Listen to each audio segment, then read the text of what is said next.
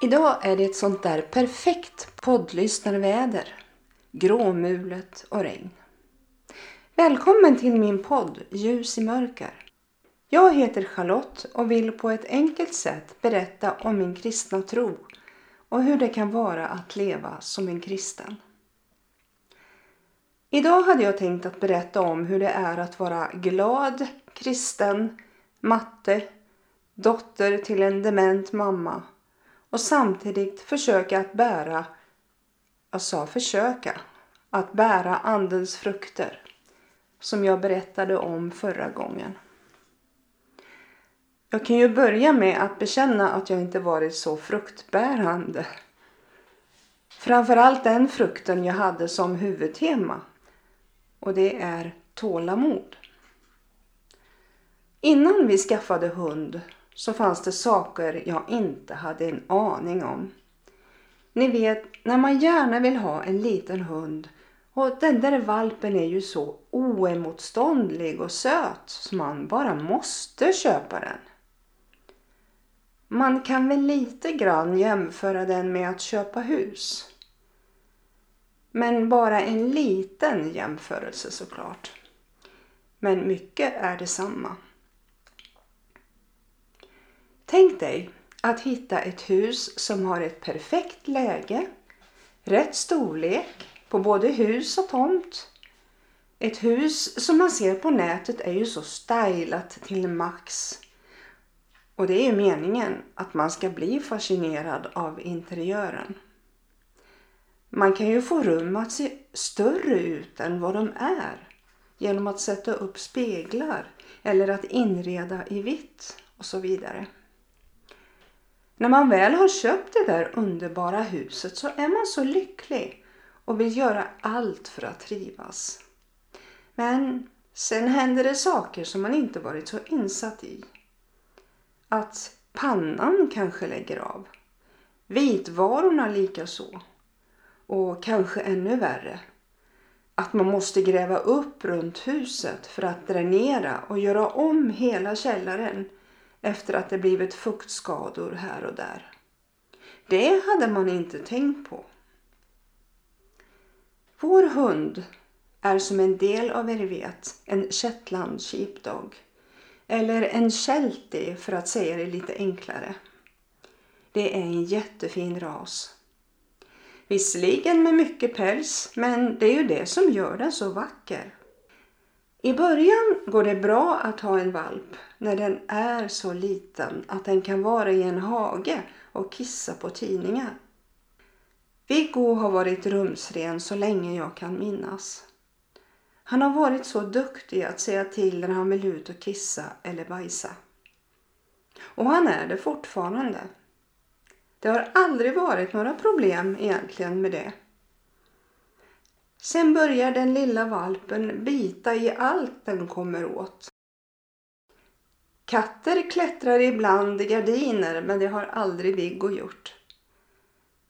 Men däremot har han försökt att äta upp gardiner. Och han bet i det mesta. Möbler, fötter, händer. Allt som han kom åt. Trots fyrspray på möbler.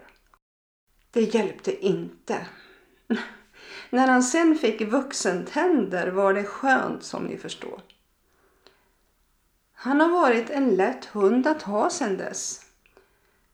Sen hände det en jobbig grej i oktober förra året. Vi var ute på promenad i grannskapet och skulle gå förbi ett hus som hade en stor vit hund. Ägaren hade tidigare sagt att han var rädd av sig, alltså hunden. Men vi litade på att han var inhägnad som vanligt. Innan vi kom fram så såg vi att han sprang emot oss, eller rättare sagt lufsade. Min första tanke var, vad roligt att han kommer och vill hälsa. Jo, pytsan. Det var fel tanke, förstod jag. Han hoppade på Viggo och Viggo blev liggande på rygg och den andra isbjörnen stod över och högg honom oavbrutet. och Viggo gnydde och flämtade. Jag skrek flera gånger. Nej, nej, hjälp! Jag var chockad och ingen kom. Jag försökte slita bort den andra hunden men han vägde säkert lika mycket som jag och han vägrade att flytta på sig. Det var omöjligt. Till slut släppte jag kopplet på Viggo och tog tag i den andra hundens avslitna koppel och gick iväg till huset där han hörde hemma. Viggo pinnade iväg åt det håll som vi bodde åt och jag blev jätterädd att han skulle bli påkörd. Jag visste ju inte ens heller hur pass illa han hade blivit biten. Jag såg bara blod runt nosen. Då kom hundägarens granne ut och tog hand om den andra hunden och sen fick jag skjuts hem av en annan granne. Där hemma på verandan stod Viggo, blodig. Och det kändes så skönt att han hade sprungit hem direkt. Det visade sig sen att hundägaren hade glömt stänga grinden och hunden hade slitit sig när han fick se Viggo och jag komma. Ägaren hade heller inte sett eller hört något trots att han var hemma. Viggo blev i alla fall patient på Strömsholms djursjukhus och det visade sig att han fått nosen perforerad av den andra hundens tänder. Han röntgades och fick sy ett par stygn och fick sen en krage runt halsen. Sen dess har inte Viggo varit så förtjust när han ser den andra hunden komma gåendes nära vårt hus. Och det förstår vi ju. Nu är Viggo ganska nyopererad för urinstenar i blåsan. Han hade svårt att kissa, det bara droppade. Och vi var inne på djurdoktorn i stan och fick röntgat. Och det har gjorts ultraljud och tagits urinprov. Han fick också en remiss till Strömsholms djursjukhus. För de såg att han hade stenar i urinblåsan. De gjorde en ny röntgen på Strömsholm och där såg de att han även hade stenar i urinledaren. Det kunde bli en riktigt komplicerad operation.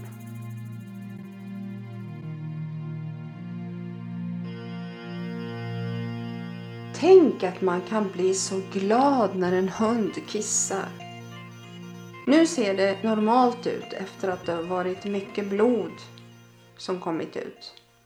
Han hade också diarré i början och ville inte äta. Han har 16 stygn på magen och operationen gick bra. De försökte spola tillbaka de här stenarna i urinledaren i blåsan igen och det lyckades till slut. Tre kirurger försökte. Så det är inte så konstigt att det kommit blod efteråt Operationen tog två timmar. Men nu är Viggo hemma igen och han är piggare och ska bli av med både krage och stygn nästa tisdag. Som jag sa tidigare, man vet aldrig hur det är att vara hundägare förrän man gått igenom en del prövningar. Det är ju som att ha ett litet barn. Men det är ju vårt kärleksbarn och vi tycker så mycket om honom. Men det krävs en del tålamod naturligtvis. Både när man har barn eller hund. En del av er har ju både och. Och är de friska så är det ju inga problem. Nu har vi dränerat hunden i alla fall. Så nu borde det hålla sig ett tag. Med rätt foder förstås. Nu var det mycket prat om hund. Men i allt detta så har vi bett till Gud om tålamod och frid.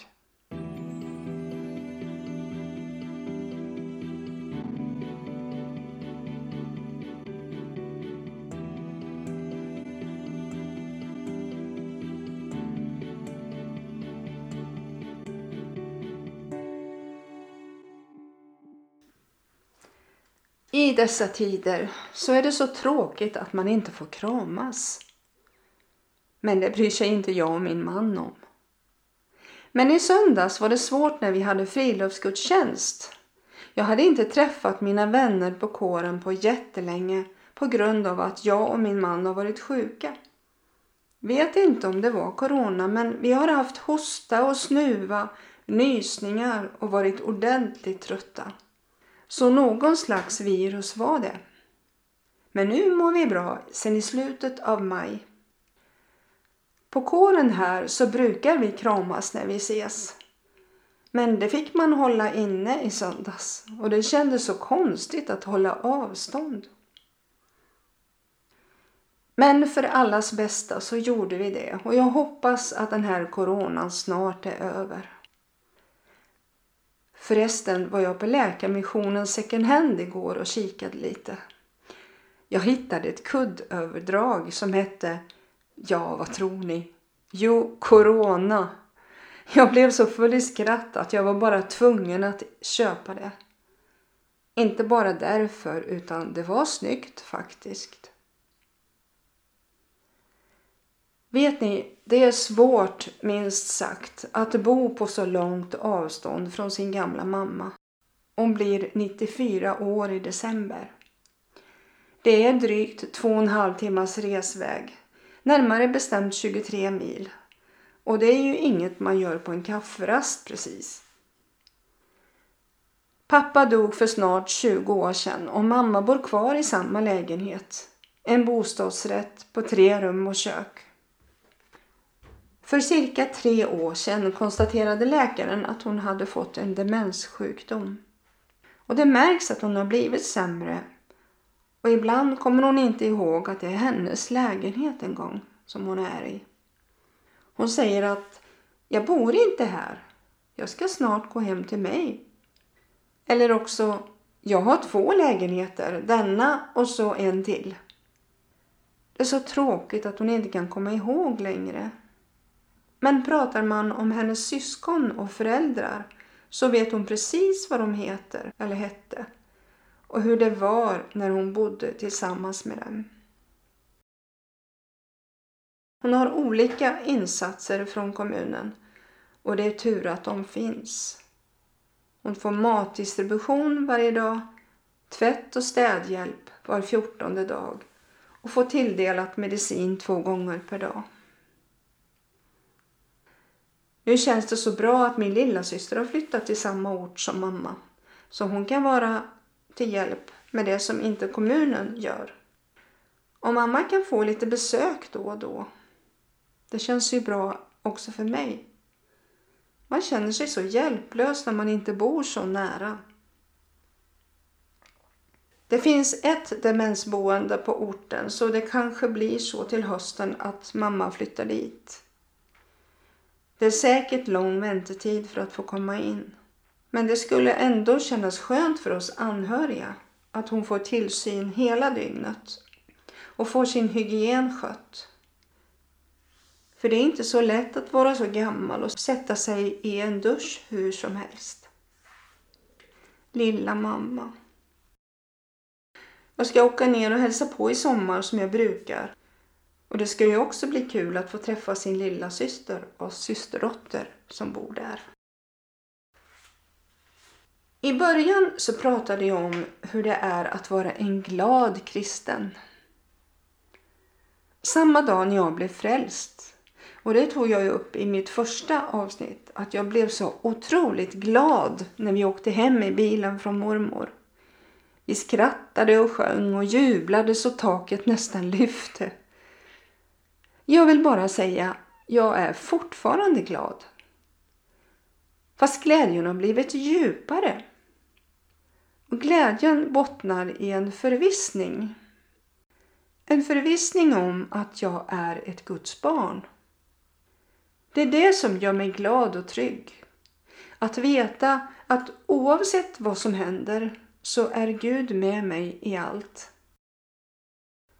På morgonen eller förmiddag brukar jag och min man ha morgonandakt. Vi sjunger ett par sånger tillsammans och sen läser vi ur en andaktsbok. Och efter det så läser en av oss ur Bibeln och så ber vi efteråt. Vi ber för allt möjligt, våra nära och kära och det som ligger närmast i tiden. Det är den bästa starten på dagen. Att få lägga allt i Guds händer och lita på att han hjälper och svarar på våra böner. Vi får också tillfälle att tacka honom för bönesvar. Det händer ganska ofta, som nu senast när Viggo var sjuk. Nu är allt bra igen och vi kan slappna av. Kommer det svårigheter så vet vi vart vi ska gå. Gud hör bön och han vill svara oss när tiden är inne. Lita på Gud du också, att han är med dig vart du än går. Det finns ett bibelord som jag vill dela och det är från Matteus evangelium kapitel 6, verser 33 och 34. Och så här står det. Sök först Guds rike och hans rättfärdighet. Så skall ni få allt det andra också. Gör er alltså inte bekymmer för morgondagen. Den skall själv bära sitt bekymmer. När vi söker hans rike och hans rättfärdighet så handlar det om att Jesus blev vår rättfärdighet när han tog våra synder på sig och dog på korset. Det skulle vara så uppmuntrande om du ville dela med dig vad du upplever när du lyssnar på den här podden. Skriv gärna en rad och berätta. Om du har börjat läsa i Bibeln eller bett till Gud och Jesus. Skriv på Messenger och jag skulle bli så glad. Gud välsigne dig och så hörs vi nästa vecka igen. KPA på dig. Kram på avstånd. Hej då!